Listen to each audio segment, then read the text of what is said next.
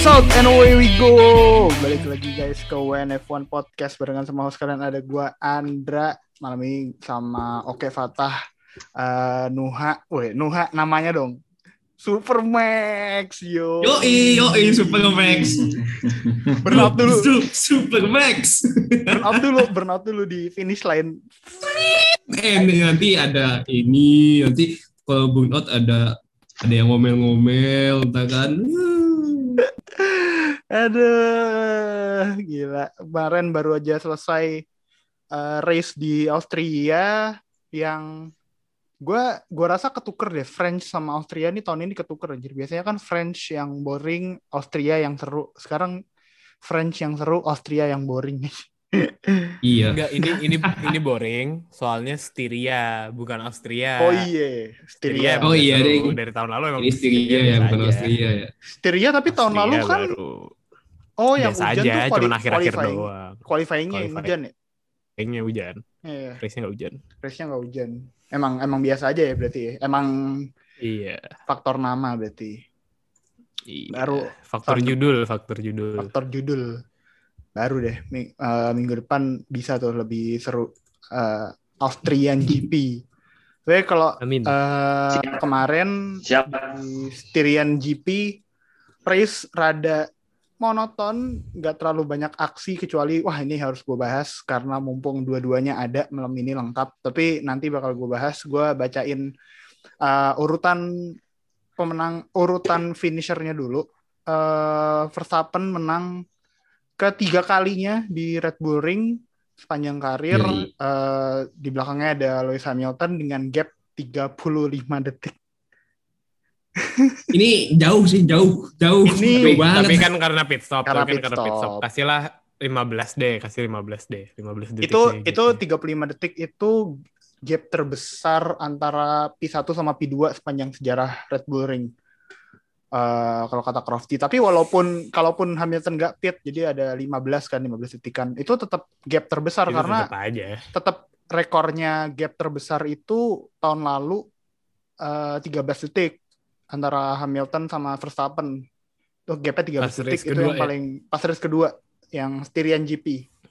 Itu gap terbesar 13 detik. Nah, kalau kemarin bisa sampai 14 sampai 15 detik kan walaupun Hamilton nggak pit ya tetap aja gap paling gede.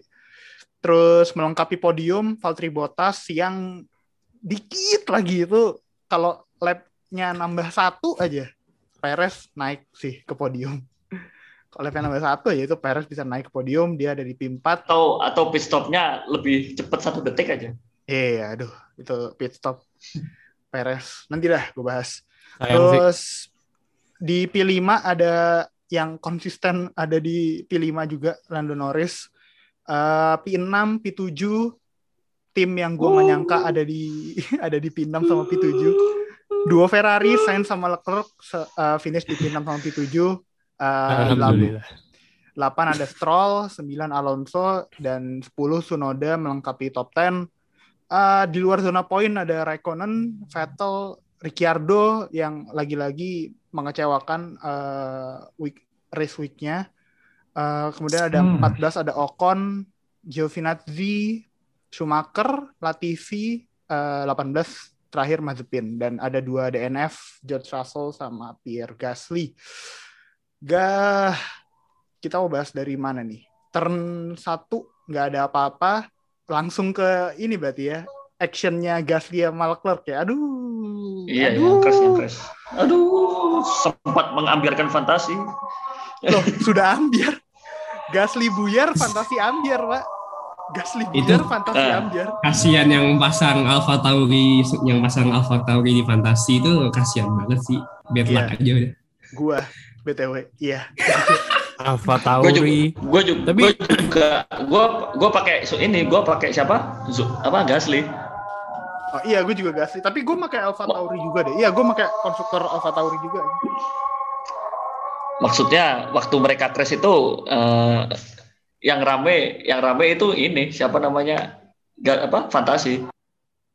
Iya, yang rame fantasi. Makanya eh, pas Tapi- begitu Gasly buyar, fantasi ambiar semua.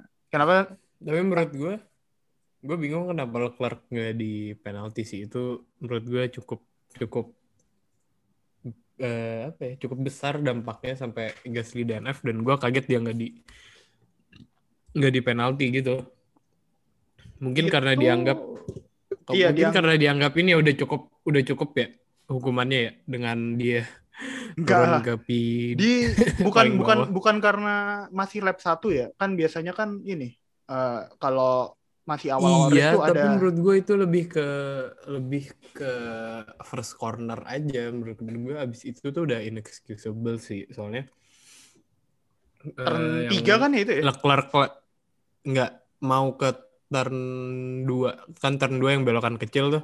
Iya, turn itu dua kan yang belokan kecil. di ujung kan. Turn tiga yang di ujung. Eh, pas mau pas mau turn 2 tuh lagi auto ke situ nabrak. Nah, itu menurut gue udah inexcusable soalnya si Leclerc juga space-nya jauh, tapi ya ya udah kalau menurut Stewart tidak ada hukuman seharusnya ya ya udah deh nggak apa-apa gue mau ikut aja. Nuh emang harusnya dihukum Nuh. Kalau menurut lu Nuh. Leclerc. Apa Eh, apa kalau- hukumannya kalau- udah cukup? Hukuman sosial. P18. hukuman sosial. Itu siapa sih Gasly ya? Eh Leclerc. Iya nabrak dia nabrak Leclerc. Gasly kan. Gasly dikena Gasly. front wingnya Ga- Gasly Hmm. bannya puncture langsung nggak bisa lanjut. Ah, kalau menurut gua sih seharusnya at least Leclerc ini kasih ya minimal inilah minim- yang mungkin bukan kayak race ban itu bukan tapi ya kayak lebih kayak ini 5 second penalty atau 10 second penalty karena itu membahayakan Gasly banget gitu loh. I mean it, sampai ngebuat Gasly itu harus ya bannya puncture dan di, di the finish sampai DNF kan. Hmm. Jadi menurut gua at least ada at least hukuman yang bikin ya 5, 5 second atau 10 second itu menurut gua udah cukup ya.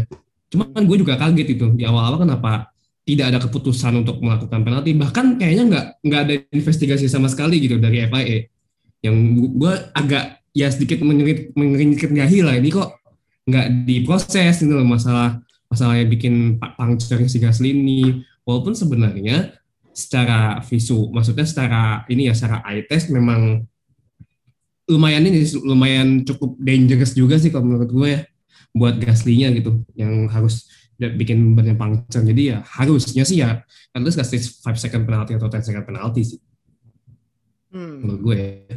menarik sih. 5 detik cukup lah harusnya. Tapi kalau nggak dikasih ya udah.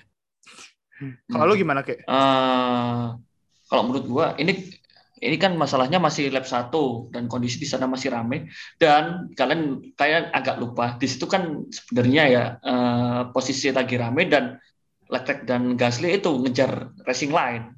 Hmm. Makanya sih kalau kalau itu makanya gue gue juga cukup setuju kalau itu insiden. Nah kalau itu accident gue juga nggak bakal protes juga. Maksudnya eh, in case eh, Leclerc itu dikasih penalti dan dapat 5 detik, oke berarti berarti itu termasuk apa namanya pelanggaran si Leclerc soalnya terlalu ke kanan berarti ya. Leclerc itu di kanan kan? Iya terlalu ke kanan. Dan kalau untuk insid- insiden ah, siapa namanya FI FIA itu mempertimbangkan racing line. Mereka berdua ngejar racing line. Dan kondisi masih lap 1 jadi bisa bisa bisa dua ini sih bisa dua kondisi sih tergantung FIA ini apa namanya eh, keyakinan FIA gimana dia gitu.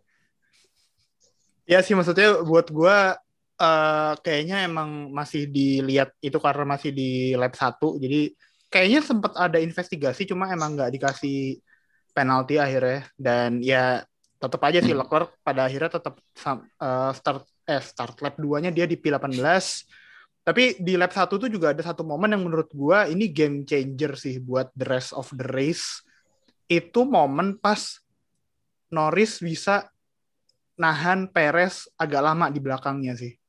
Buat gue itu Hmm. kan gue pas preview bilang kunciannya Perez ini harusnya dia dengan ban soft dia harusnya bisa ngelewatin eh siapa ya berarti depannya dia tuh P Perez itu P satu dua tiga empat P empat kan di belakangnya Hmm.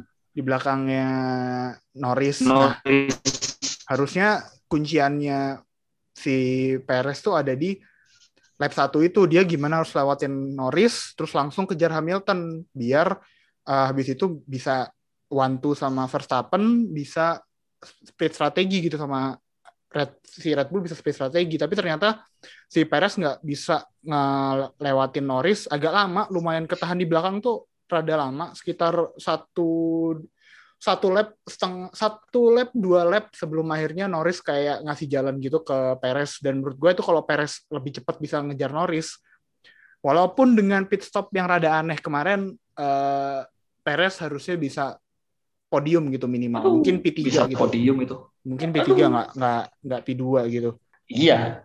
Aduh.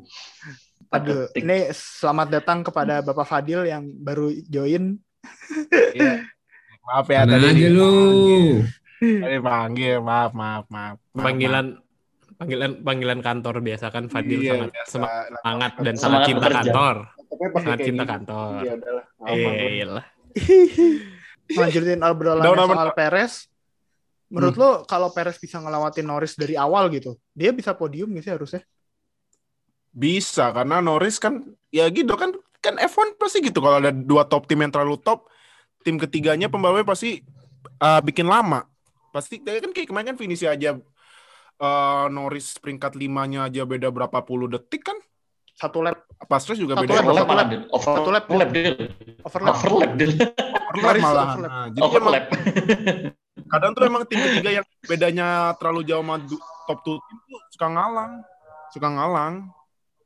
Dan itu lumayan lama, Kalau Perez kelamaan. kembali nyari. Norris, podium. Dengan pit stop 4,4 detik. Masih bisa.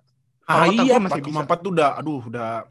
Aduh, itu Oh, kalau gue lebih ke itu Dra, sebenarnya Dra. Dari pit stop 4,4 itu Dra. 4,8 betul. Masih bisa ya? Pit stop ya. 4,8 lama 4,4 itu. 4,8 ya. Hampir 5 detik berarti. Lama itu. Aduh, gua gua nonton tepok jidat itu. Aduh, beres. gua kayak gitu. Iya, baru habis itu kan dia itu. kena kena undercut apa overcut gitu sama eh kena undercut duluan sama Botas makanya Botas. Langsung Botas, ada bisa botas, botas. nggak bisa Botas cakep, Pak. 2,2, Pak. Botas 2,2, Hamilton 2,7. Verstappen 2. Tapi ya normal. Padahal saat itu Bull. gua berharap Itu Mercedes normal. ngaco gitu. dan yang dan dan sub yang saat apa eh, tidak akan kita lihat lagi pit stop seperti itu. Aduh, nggak usah diomongin aja, udah kesel gue. Gue kesel. Gue langsung keinget itu. Gue pit stop indah itu akan menjadi kenangan. Iya, nggak bakal kelihatan lagi tuh.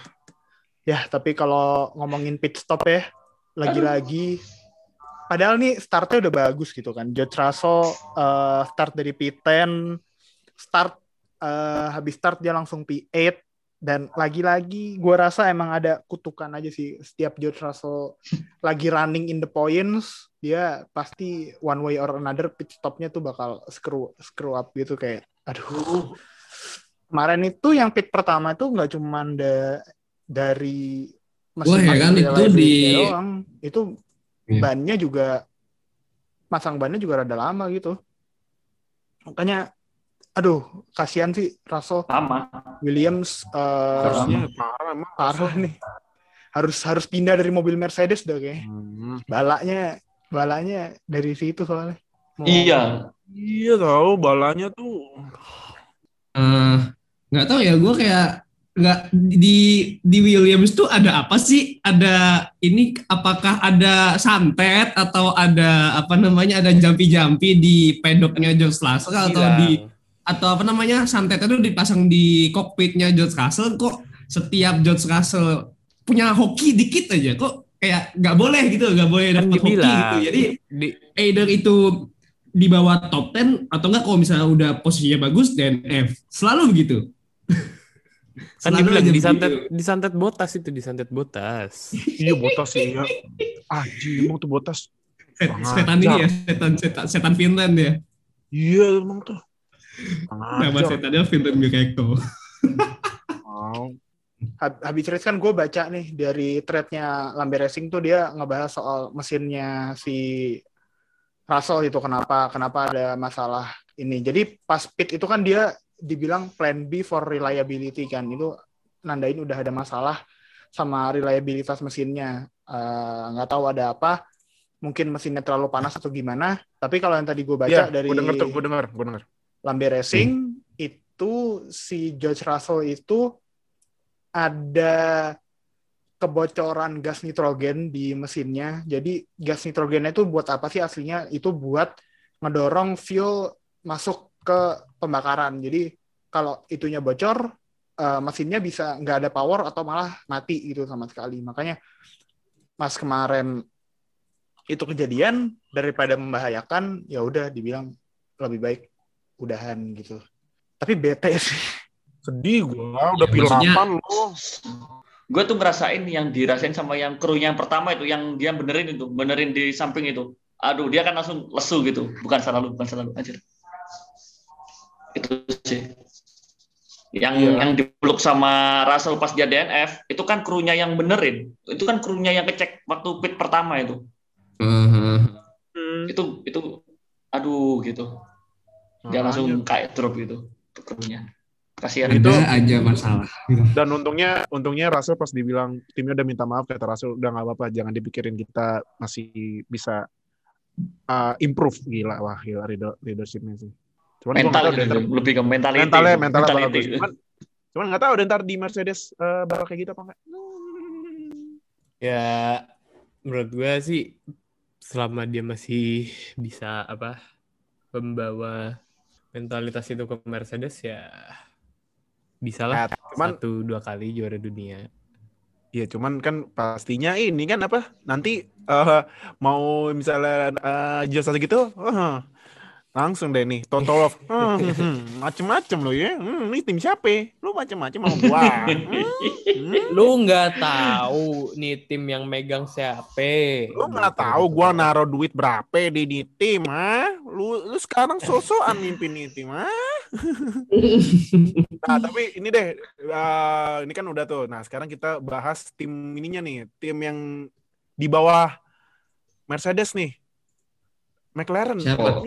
Norris sama Oh, McLaren. Ricciardo. Norris sama Ricciardo. Duh, Ricciardo. kenapa sih Coba menurut lu, lu pada kenapa? Kalau menurut gua sih Ricciardo itu mas, kayaknya dia tuh emang nggak bisa ngadaptasi sama mobil deh. Ricciardo Ricciardo emang bilang eh, kan katanya ada eh, dia Oh, lost power power, katanya. tuh pas dia sempat awal-awal Mm. awal-awal sempat bagus emang tapi eh, gak tahu kenapa tiba-tiba pas sekitar lap gue lupa persisnya lap berapa tapi seingat gue belasan deh eh Ricciardo tuh mulai ini komplain dia lost power lost power jadi ya Hmm. sayang jujur lihat gapnya Ricciardo sama Lando tapi ya gimana gitu kalau jujur kalau kemarin eh, beda kasus sih ya kalau kemarin ya emang bukan salah dia gitu emang di mobilnya aja Iya. Da- kalau menurut gue sih salah dia. kemarin juga ini dia kan sempat beberapa saat tuh lama di belakang Nor eh di belakang Russell kan di 8 Ricciardo 9 Hmm, iya, sebelum iya. akhirnya Pas- akhirnya pas si awal-awal Ricciardo lah. Ricciardo melorot tuh dari 9 langsung ke 13 tuh. Dan setelah powernya ada pun dia kayak konsisten ada di 13 gitu. Nah ini yang maksudnya gue rada concern gitu. Kalau emang ada low power dan udah di fix, kenapa dia nggak bisa naik tuh dari 13 tuh kalau emang depan-depannya kan, bentar gue lihat ya finishernya tuh depannya ada siapa aja tadi. Ricciardo itu kan depannya ada Vettel, Kimi, Sunoda, Vettel. Alonso. Nah ini kan mobil-mobil yang harusnya kalau secara mobil itu bisa dilewatin gitu sama Uh, Ricciardo di depannya. Nah ini yang gue rada bingung kenapa pas masalahnya selesai Di bawah. mereka nggak nggak dilewatin gitu sama Ricciardo. Iya, benar. Kalau Norris mah buat gue udah jadi inilah kayak Hmm, ini hmm, ini kayak Verstappen Verstappen tahun lalu kalau Norris udah udah sendirian Norris, aja kayaknya di nih, depan. Kalau gue baca ini ya, kalau gue bacain hasilnya Norris ya, karena kemarin F1 ngepost Mr. Cons- Consistency Lando Norris was on fire again today. Finishnya dari awal sampai sekarang peringkat 4, peringkat 3, peringkat 5, peringkat 8, peringkat 3, peringkat 5, peringkat 5, peringkat 5. Gila emang. dan nggak pernah nggak poin dia musim ini so far. Gak pernah gak poin. Bahkan seorang ahem, Hamilton gak poin kali musim ini akhirnya. Nah, Iya, Verstappen juga gua ngomongin tadi. Verstappen juga nggak poin. Iya, Jangan Verstappen gitu. juga, iya. Verstappen juga nggak poin. Nah, Perez juga mau- poin. nah, cuman cuman gue mau nanya nih. Come on, come on. Media Inggris jangan melebih-lebihkan Lando Norris lah. Media iya, media Inggris kan kayak gitu. Kalau misalnya kayak di apa kayak di liganya kan suka ah suka Yo, semut yang digajahkan. Nah, cuman cuman gue mau nanya lu pada nih. Kita ya nggak apa-apa lah ya, asumsi main asumsi dikit lah ya dikit aja. Eh, Nah, Norris kalau misalnya nih tiba-tiba dua tim top ngelirik lebih cocok ke Red Bull apa ke Mercedes? Mercedes Kalau kalau ini ini case-nya Mercedes. kalau kalau udah dilirik ya dan harus dan dan dua tim ini tertarik banget. Gak, gak boleh Iya. bilang gak bisa gak bisa pindah. Mercedes. Kenapa Mercedes. gue Mercedes. Mercedes. Mercedes. Gue Red Bull. Kalau kalau gue ya, karena menurut gue Mercedes udah siap nerima pembalap baru dan siap nerima pembalap bagus lagi. Woi, kenapa Red Bull? Karena enggak gini gini. Wih, Menurut gua gua ada kalau Red sangat Bull kata dulu, nih. dulu, kata dulu. Ya, kalau kalau kalau Red Bull, kalau Red Bull, Red Bull menurut gue selama Max belum juara kayak dua tiga kali, mereka masih belum mau nerima nerima pembalap baru karena ya pertama mereka sayang banget sama Max, kedua ya mungkin gue nggak tahu tapi gue ngeliatnya kayak Red Bull tuh kayak ada utang lah ke Max. Max udah lama banget di Red Bull dari 2000 di keluarga Red Bull dari 2015 bahkan.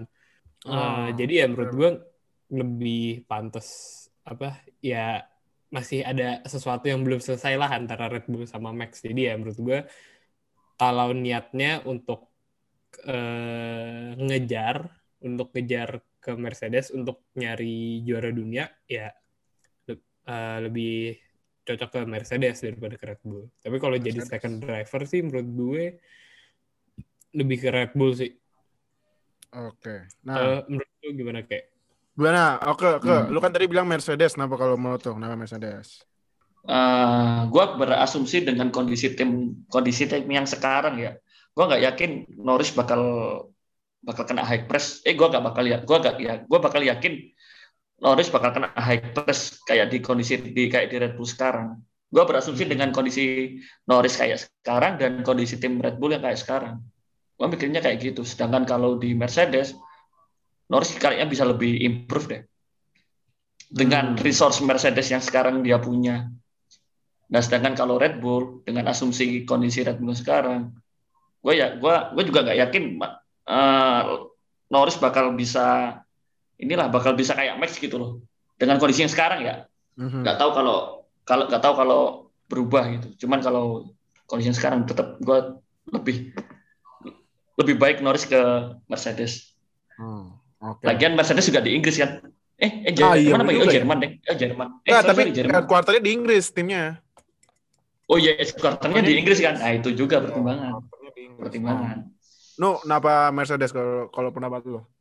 Kalau gue kenapa Mercedes? Karena satu, Lando Norris musim ini udah pakai musim Mercedes dan melihat Oh, iya, performance dia di musim ini yang so called oleh English media Mr. Consistent yang ya di mana ya oh, ya ya kita kita akui itulah dia emang konsisten dengan mesin Mercedes yang sekarang dan gue lihat juga performance Norris dengan mobil Mercedes ini ya timpang banget sama Daniel Ricciardo gitu si Norris bisa benar-benar konsisten sedangkan Ricciardo ya begitu gitu. Dan juga kalau misalnya masuk Mercedes dan apalagi nanti misalnya ini misalnya case-nya itu Hamilton pensiun dan Bottas cabut dari Mercedes. Otomatis kan ada dua seat kosong nih. Apa enggak apa enggak sempurna tuh bagi media-media Inggris kalau misalnya George Russell sama Lando Norris itu duduk bareng di Mercedes? Hmm. itu akan menjadi what a perfect drivers for English driver in Formula One. Bakal menjadi perfect pairing banget. Mercedes ya. Iya sih, karena iya sih benar-benar juga ya. Apalagi ntar dibilangnya eh, Norris adalah orang Inggris, Hamilton orang Inggris, Norris penerus penerusnya Hamilton. Wah, Cocokologi mulai dah. media Mulai Inggris dah. langsung dah goreng-goreng, goreng-goreng. Ya, Lawan. apalagi kalau misalnya George Russell sama Lan- Lando Norris beneran masuk Mercedes dua-duanya. Eh, makin rame lagi. hmm, hmm. Nah, tapi tadi ada yang beda satu. Ndra, lu kenapa Red Bull? Itu tadi Nuha kalau bilang kayak gitu, itu Mercedes apa media Inggris coli anjing kalau Russell sama Lando satu tim jelas lah, jelas anjing. lah. coli anjing Pas, pasti pas tiap baca hari pengumumannya, oh, oh, oh, oh. Anjing di, di lagi dipraktikin. Ih, anjing. Tapi Itu jokes, masturbasinya muncrat muncrat lu. jokes aside kalau gue Nah, kenapa Red kenapa, Bull karena si McLaren kan punya kontrak Norris sampai 2024 kalau nggak salah nah itu buat gue tuh itu udah Mhm. waktu yang pas buat Perez either pensiun atau cabut lah dari Red Bull. Kayaknya udah oke buat cabut dari Red Bull dan Red Bull masih mau mencari driver kedua dan kalau butuh konsistensi eh, kenapa nggak ngambil Lando Norris gitu buat Red Bull? Karena eh, satu kemungkinan mereka masih top tim Eh, kedua ya gue nggak tahu sih masalahnya si Verstappen bakal bisa nerima Norris atau enggak kalau secara friendship di luar track eh chemistry-nya Norris sama Verstappen udah lumayan bagus Eh, temenan gitu di beberapa press conference kan mereka sering bareng. Kelihatan kalau mereka eh, oke tapi kalau on track kan pasti beda lagi tapi buat gue ini kompetisi yang bisa nguntungin buat Red Bull sih gue nggak bakal bilang ini membahayakan karena nanti dua-duanya pasti udah ada di umur yang mature udah umur yang dewasa jadi nggak nggak bakal membahayakan juga buat Red Bull jadi buat gue sih lebih baik Hmm. ke ke Red Bull sih kecuali kecuali tadi ya Oke. kecuali Mercedes mau bikin pairing George Russell sama Lando Norris kayaknya gue setuju sih gue cuma mau lihat media Inggris ini aja orgasm aja ngeliat itu Gila, gila, gila. Langsung tuh. Ntar, ntar, ntar, ntar media Inggris langsung pull the line ini. Iya, ntar, ntar media Inggris langsung bikin ini pull the yang kayak eh, salah satu ini platform chat. Fakta gitu ntar. Nomor lima tercengang. Kalau enggak ini ya, apa namanya? Kalau enggak gini medianya. Kalau enggak kalau kan kan kokan-kokan Inggris kan kayak The Sun, Daily Mail apa segala macam kan biasanya kalau ada headline headline headline itu kan pasti taruh di depan gitu kan. Oh iya, Kalau iya, iya, iya, versi iya, di, di Iya, apa di lo, kalau bisa dijadiin bahasa lokal, geger pembalap Geger. Inggris juara. Geger. Geger anjing Heboh.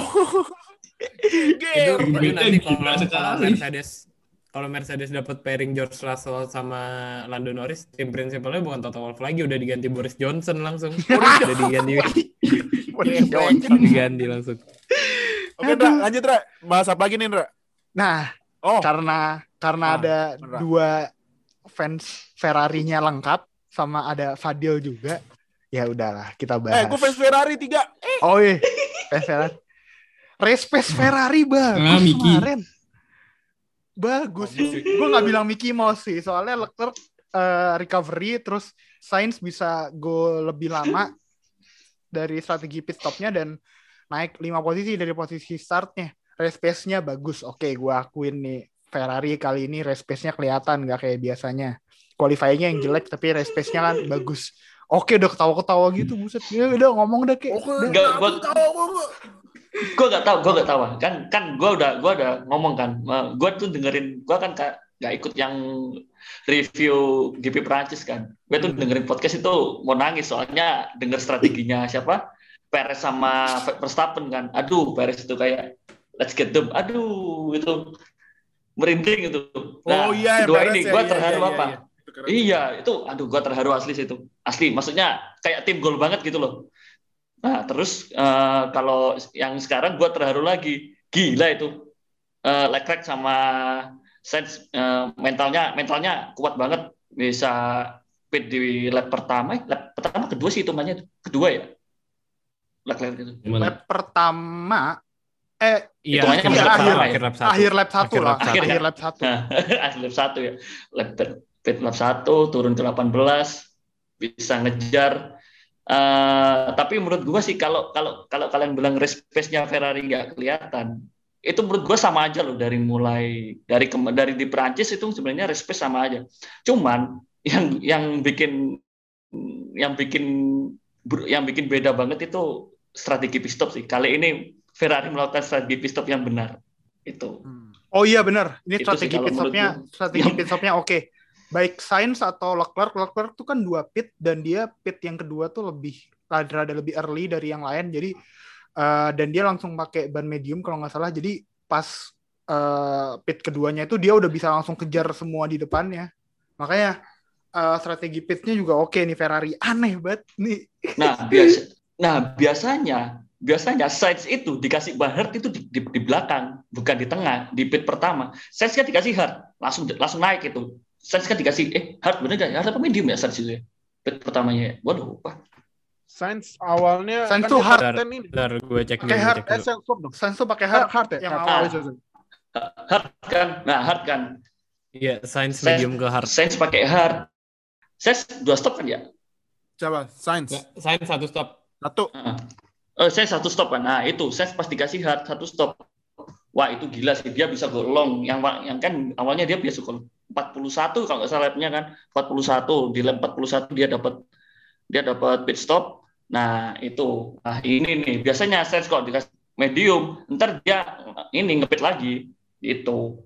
Terus akhirnya di akhir di akhir race dia nggak dapet pace-nya. Itu sebenarnya bikin pace-nya lambat tuh Ferrari itu bukan mobilnya sebenarnya. Bannya. Bannya ya. Iya. Nggak dan dan Bannya. dan bagusnya juga Ferrari keputusannya pintar gitu. Nggak nggak nggak panik, nggak panik ngeliatin yang lain apa?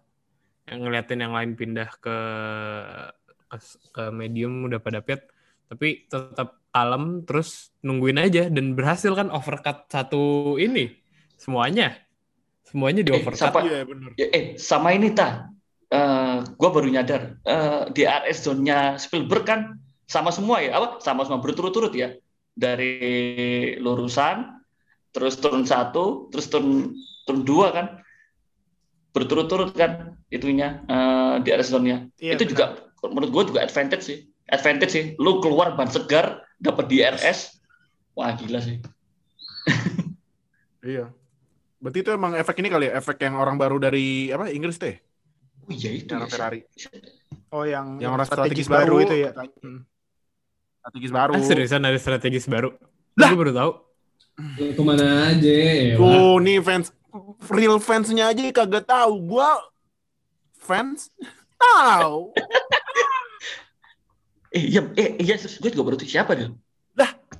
Kok baru pada tahu? Ini yang waktu itu sempat dibahas di sini. Aduh, eh, pas Wah, wah. Pas race apa ya, gue lupa. Jane. pas race apa gitu gue lupa. The, si Ferrari itu ada bukan head of strategisnya tapi head of strateginya baru tapi Baku, baku, ada baku, baku, baku, baru. Oh iya Ah, baku, baku. baku, baku. Hmm. Orang personel di strateginya baru. Jadi ada Hmm. fresh emang dan lebih mu- dan muda, anak muda gitu 26 tahun. Jadi masih masih ba- masih bagus. Oh, sorry ya buat para pendengar, saya bukan contoh yang baik sebagai fans. Emang emang. Ya jangan diikutin deh kita berdua. Iya. Ikutin Fadil aja. Hanya fans Ferrari, tifosi. Wah, gua gua gua load manajemen, boy. BTW. Harusnya Fatal lebih tahu lah. Wah, lu gimana sih, Tah? Lot Iya maaf, manajemen ya. Om, maaf, Om. Ya plot manajemen anjing anjing. Eh, Enggak, enggak, tapi serius, yang bikin Ferrari bagus sebenarnya bukan mobilnya, tapi strateginya. Kalau respect sebenarnya sama aja.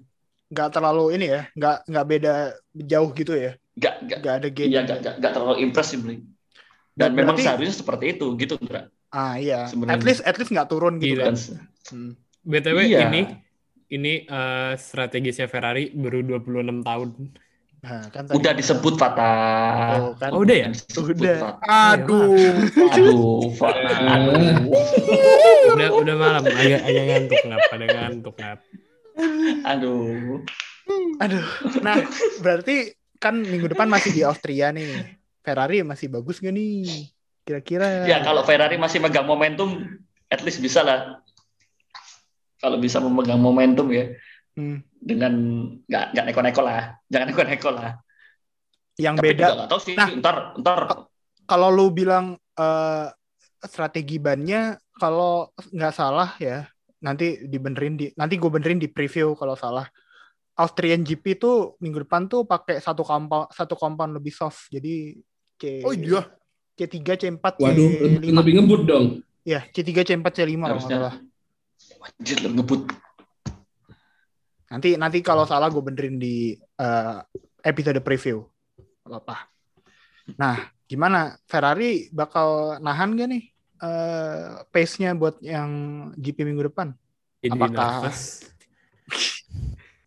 Kalau kalau gue sih tetap kalau tadi sebenarnya Ferrari ini patternnya udah dapat strateginya udah dapat tinggal mereka sesuaiin aja. Kalau bisa mereka tetap bisa pegang momentum sebenarnya. Oh kita tahu nih strategi di Spielberg kayak gini, kayak di Red Bull kayak gini nih. Tinggal mereka kan nyesuaiin kayak cuaca, kondisi track dan dan ban tadi ya. Dan Ya. apa kompon ban yang dipakai. Harusnya bisa. Harusnya. Gue bilang harusnya ya. Gue gue gak, gak mau menuntut lebih lah dari Ferrari lah. Sakit hati cuy. Fatah juga kemarin pas preview gitu tuh bilangnya ah nggak apa-apa dah satu satu yang di poin nggak apa-apa eh ternyata dua kan Ih, seneng tuh Happy banget. ya gitu lah semakin kita itu legowo itu semakin dapatnya lebih kok ya. oke oke oke oke Ya ya. ah, ah. Nggak, nggak boleh sombong ya, kayak nggak boleh sombong. Harus humble. jangan sombong Nggak jangan sombong, sombong, jangan, jangan- puas Nggak boleh sombong. Iya. Iya. Ngapain sombong? Orang nggak menang juga. Kampret. makanya kan. Ya makanya bener kan. Tapi kan di atas McLaren. Kemarin poinnya berarti Ferrari bagus tuh. Eh, dua-duanya di poin. McLaren cuman punya Norris Ricciardo-nya kan nggak di poin kan. Makin makin memperlebar jarak itu. Eh memper mempersempit deh Ferrari di belakang McLaren sekarang. Dan kalau Lando Norris masih di, Lando Norris di constructor masih- tapi kalau di Iya. kalau di driver ah sudahlah driver nggak usah dilihat.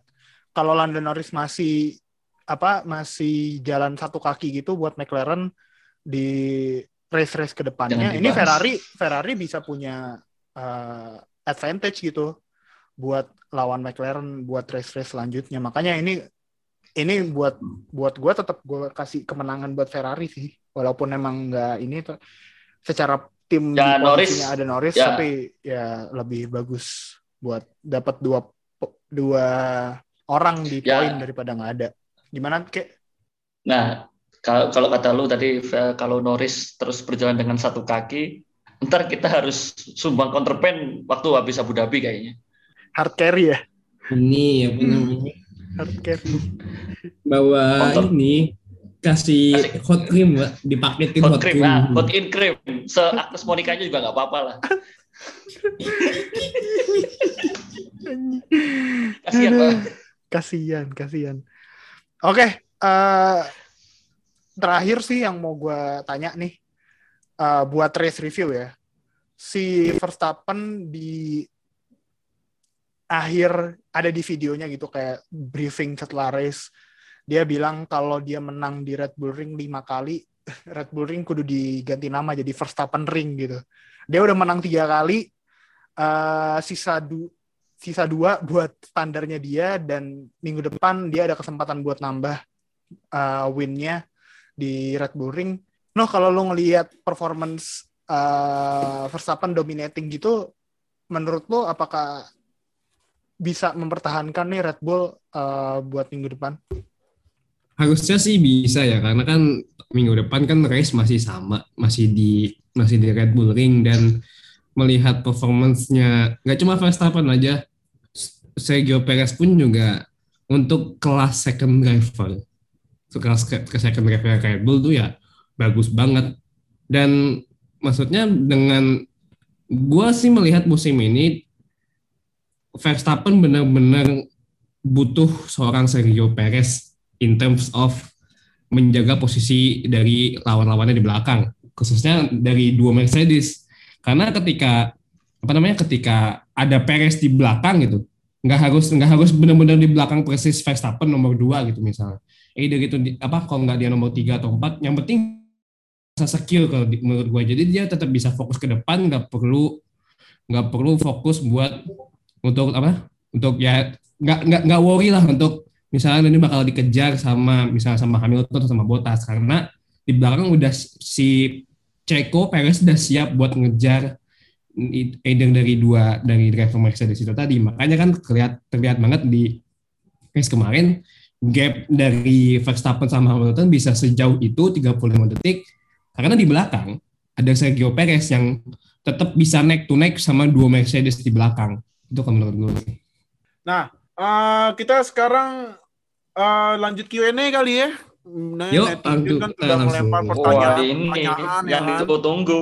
Yo, iyalah Betul. netizen sudah uh, thank you udah ngirimin Q&A ke kita, kita akan jawab. Nuha, uh, yang pegang. Q&A mungkin bisa bacain pertanyaannya yang menurut lu menarik atau kontroversial atau yang ya intinya bisa menceng-cengin Mercedes gitu.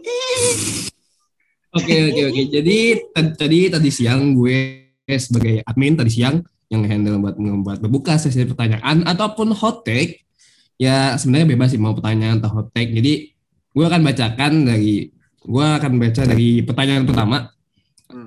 dari Tegar Laga Jo, Tegar Laga at Tegar Laga Thank you, thank you, Max. Verstappen sudah menang 3 GP berturut-turut. What was the missing piece that they found agar mobil Red Bull termasuk Alfa Tauri juga dan tanda kurung bisa lebih optimal meskipun kita belum melihat performa terbaiknya. Eh, gue ya, Ya, Max udah perfect. Missing piece-nya yang harus dicari ya? ya. Menurut menurut, menurut lo missing piece-nya apa? Yang ketemu, yang udah ketemu. Missing piece-nya hmm, yang udah ketemu apa yang harus dicari nih? Yang harus dicari. What Harus was the dicari. missing piece that they found? Ya. Oh, that they, they must found ya. Nah, Hmm. eh, menurut gua bu termasuk Alfa Tauri ya. Kalau termasuk Alfa Tauri ya pastinya konsistensi Gasly sama Tsunoda lah karena Ya. hmm. Tsunoda kan kadang kadang bagus, kadang jelek. Cuman gua sih gua jujur sorry ya, gua gua tarik lagi. Gua gua nggak bakalan pakai rookie card ya. Nggak keluarin kartu rookie kan dia rookie, maklumin dong. Enggak, enggak, enggak, enggak. Eh eh, harus ada konsistensi sih sama Sunoda dan Gasly karena eh, ini apa Alfa Tauri ini harus menurut gua harus finish di peringkat 4 sih. Di konstruktor harus. Menarik, menarik, menarik. Karena Ferrari kan ya gitu kan Ferrari ke- kelihatannya di track street di kalender aja track streetnya ada berapa kan kalau nggak salah ada- tujuh ya kalau salah ya. Ih, berapa ya? Gue lupa. tujuh atau ya gitulah pokoknya. Nah, Hmm. Alfa Tauri eh ya harus bisa memanfaatkan saat Ferrari jelek. Nah, cuman kan kemarin nggak dimanfaatin kan gitu. Ya, betul, betul. Gua missing piece-nya supaya para pengguna ini ya, para pengguna mesin Honda depa- kekuatan dari mimpi itu. Kan? The power of dreams ya. Power of dream, kekuatan mimpi gitu kan. Nah, nah ini kalau karena kalau ini nggak mimpi. Nah, tahun ini jadi kenyataan karena Honda menurut gua mesin Betul. terbaik sekarang. Nah, Oh, betul, Eh, betul, betul. Red Bull missing piece-nya udah ketemu. Perez jawabannya. Kalau tapi Betul, kalau yes. misalnya digabung sama iya, kalau digabung sama eh, pelanggan Honda, pelanggan, pelanggan Honda. Nah, ya ini Ya. konsistensinya Alfa Tauri. Itu dong. Itu Betul, sih iya, konsistensi Alfa Tauri. Konsistensi Alfa Tauri. Menurut gua kalau Red Bull Gimana? kemarin itu Gimana tadi? Honda nih, mesin Honda nih Honda harus lebih gimana? reliable.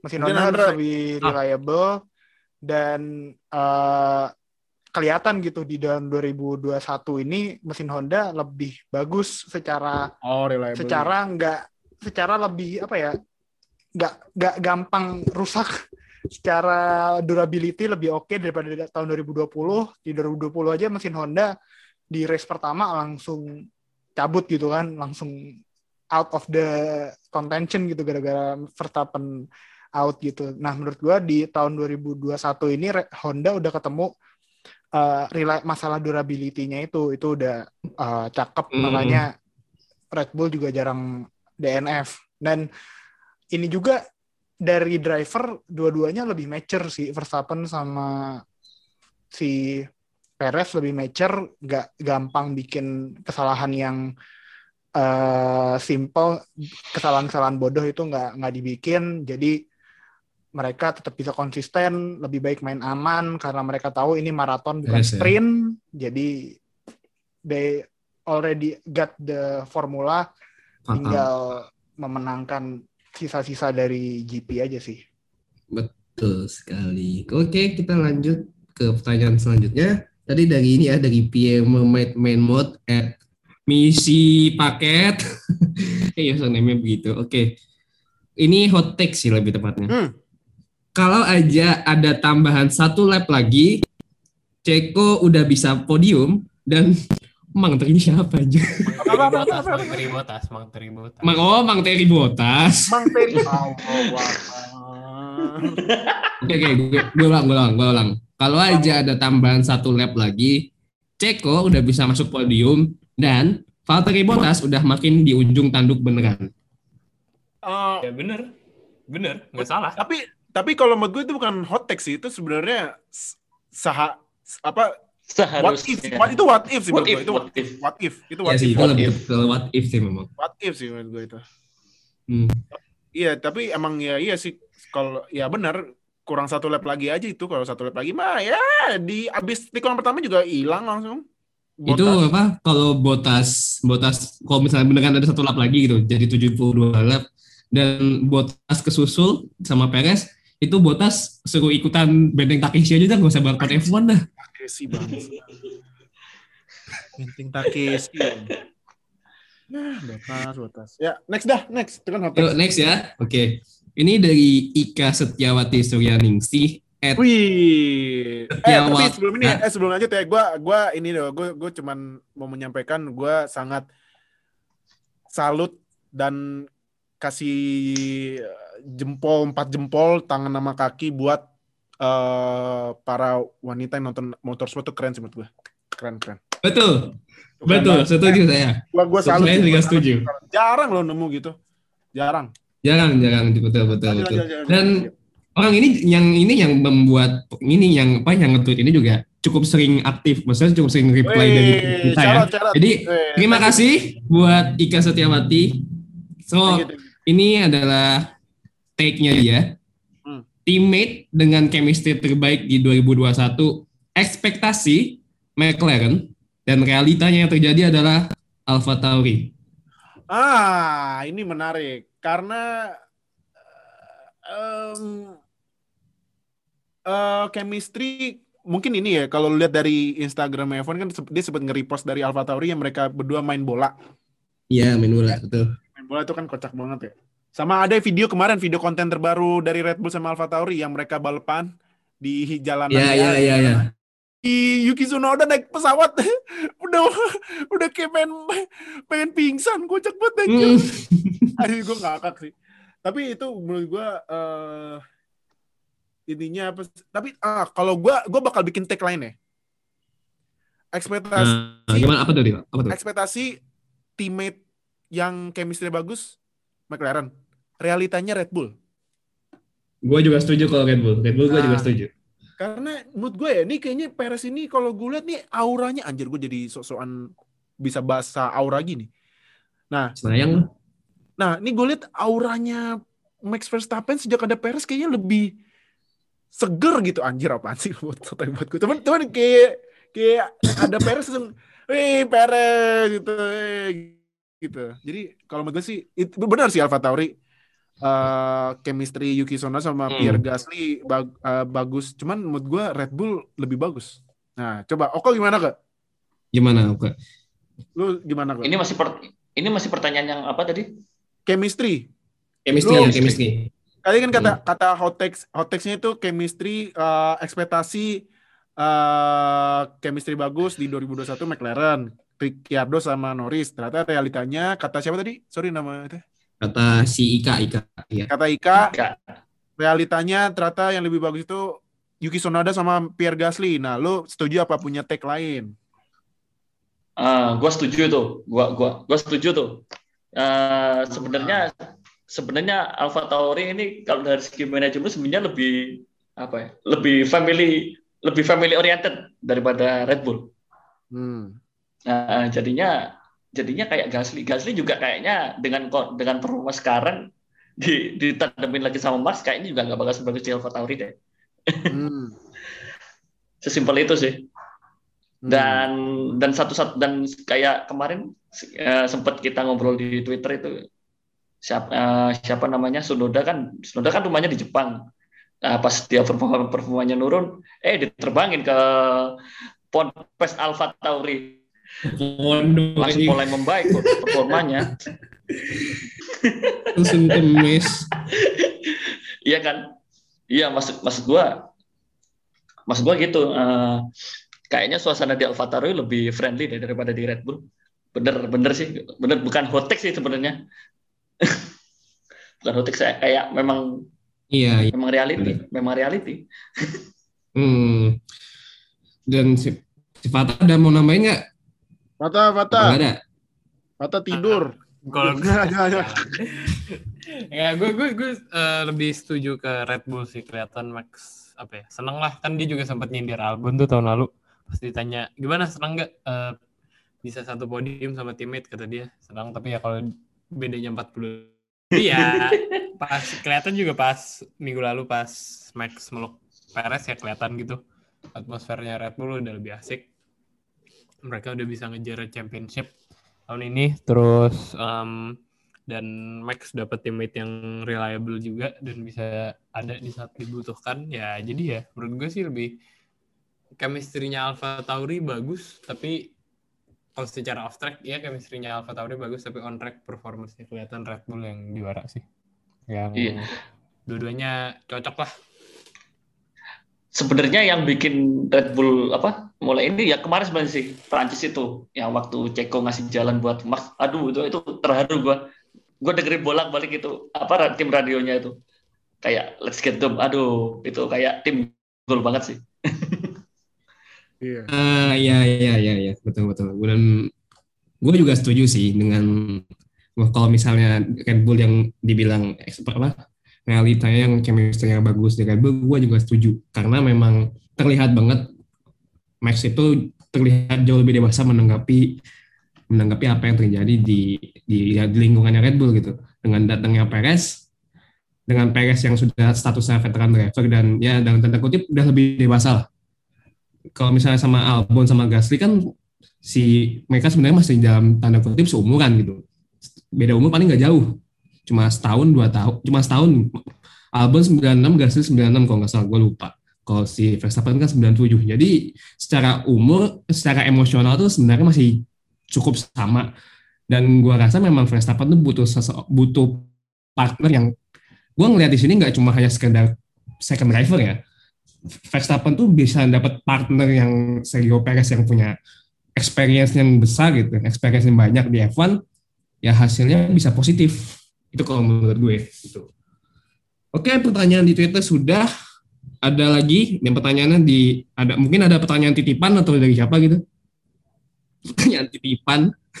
Eh, gua em, nggak ada sih. Gue Nggak ada ya? Mungkin ada mungkin dari Q&A ada lagi kali atau teks. Dari dari Twitter udah sih itu aja. Yes. Hmm, Oke, berarti eh oh gua, ini deh eh, buat penutup kali ya. Buat penutup ya. gua akan membacakan klasemen sementara. Yoi, yoi, Gua betul, kalau betul, betul. klasemen, gua kalau klasemen mah semangat ya nomor satunya bukan nomor empat empat. Kalau nomor empat empat ngapain dibacain, ya kan? Nomor satunya nomor 44, bukan Enggak, lah. kalau bukan maksudnya kalau nomor satunya empat empat gak bakal gue bacain peringkat apa klasemennya. Kalau nomor satunya bukan empat empat, gue bacain terus. Oh iya, bacain, bacain, bacain. Ayo deh, bacain, bacain. Pertama, Max Verstappen 156 Oh. poin. Su- Super Max. Let's go. Nah, kedua, nggak usah disebut 138 poin. 86 poin. Keempat, Lando Norris 86 poin. Kelima, Botas. Aduh, Botas, Botas. Komunitas peringkat 5 ya. Kalah sama Norris loh.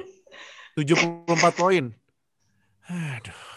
Keenam, Charles Leclerc, Leclerc. Oh, Leclerc. Ya, iya. 58 poin. Peringkat ketujuh Carlos Sainz 50 poin. Peringkat ke-8 Pierre Gasly, Pierre Gasly 37 poin. Peringkat 9 Pierre. Daniel Ricciardo 34 poin. Peringkat 10 Sep 30 poin. Nah, sekarang kita konstruktor. Nah, konstruktor kalau bukan timnya yang itu yang lancip garis gitu gue bacain juga. Nah, yang penting nggak Oh, pegang bacain, bacain, bacain, bacain, bacain. Pertama, Red Bull 252 poin. Kedua, Let's go. R. kedua nggak usah disebut lagi Zong ngapain? 212 poin. Ketiga, tim Pepaya. McLaren 120 poin. Keempat, tim yang ngejingkrak mulu nggak capek-capek apa nih? Yo, let's go, let's go, let's go. Let's go, let's go, let's go, let's go. Let's go, let's go Ferrari, let's go, let's go. 108 poin. Kelima, tim yang sekarang yang tim yang seharusnya jadi brand fashion tapi dijadiin tim F1 ya. Alfa Tauri 46 poin. Keenam, tim yang kemarin mu- musim kemarin bagus tapi sekarang jeblok banget. Aston Martin 44 poin. Ketujuh, Al- Alpine 31 poin. Ke-8 Alfa Romeo 2 poin dan dua terakhir yang masih belum ada poin. Ke-9 Williams dan 10 Haas. Nah, itu Deal, deal, deal, Waduh. deal. Gua ada cocokologi lucu nih soal apa tuh? apa eh, yang driver. Tahu nggak? Tahu nggak kenapa kok selama ini empat empat musim sebelumnya kok yang mimpin klasmen selalu empat empat? Kenapa? Kenapa, kenapa? So, soalnya eh, empat empat buat jadi tiga tiga itu butuh sebelas. Makanya Oh. sekarang kan sekarang kan Oke. Boleh, boleh. Oke, oke, Oke kan? boleh, Masuk boleh, kan? boleh, nah, boleh. makanya Boleh, buat jadi dari Boleh, empat empat biar boleh, jadi boleh, tiga tiga boleh, Boleh, harus boleh, dikasih boleh. sebelas. Boleh. Makanya Boleh, tuh sekarang boleh, tiga tiga boleh. Oke, jadi peringkat satu. Oke, Gitu. oke, oke, oke. Menarik, Oke, cocok loginya bagus ya. Cocok loginya bagus dari 44 harus membutuhkan dikurangi 11 dulu buat menjadi nomor 33. Tiga Good tiga point kan sih. Good ya point, betul, selama ini betul. kan empat empat selalu di atas terus. Iya. Soalnya itu tadi buat dari tiga tiga. Lu aja kalau buka klasemen F1 pertama nomor 44 ah lempar HP ini sekarang nomor 33. Wah. Wah, Oke oke oke berarti ya untuk ya dengan dengan Styria GP yang finishnya dengan nomor 33 ya kita akan berlanjut race-nya nanti di Austrian GP Lagi di minggu sekarang. depan dengan masih dengan track yang sama di Red Bull Ring. Jadi jangan lupa nih jangan lupa buat follow sosial media kita di Twitter @wnf1official dan TikTok kita juga ada @wnf1official juga.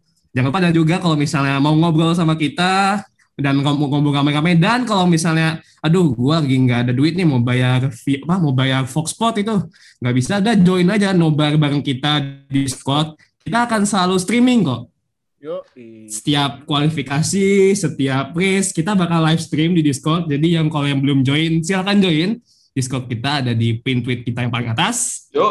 And that's all the time we have see you in Benar, no, no, no, Review. no, no. Eh, Bang, tunggu, tunggu, gimana, tunggu. gimana? Apalagi nih, apalagi nih, Bang? Jangan apalagi nih apalagi nih ini mau udah mau kelar Jangan nih lupa follow yang enggak kan tadi udah bilang sosmed ya. Yang tapi sosmed Iya. kita yang paling penting adalah TikTok ya. Jangan lupa follow TikTok kita. Iya, ada ya. Oh, iya, iya, iya, iya. Iya, Ini iya. yang minta ya ini admin TikTok kita yang minta jadi gua iya. tekankan sekali lagi jangan lupa follow TikTok kita TikTok official TikTok kita at WNF1 official Iya, iya. and see you in preview Austrian GP selanjutnya goodbye guys Bye bye. Bye bye.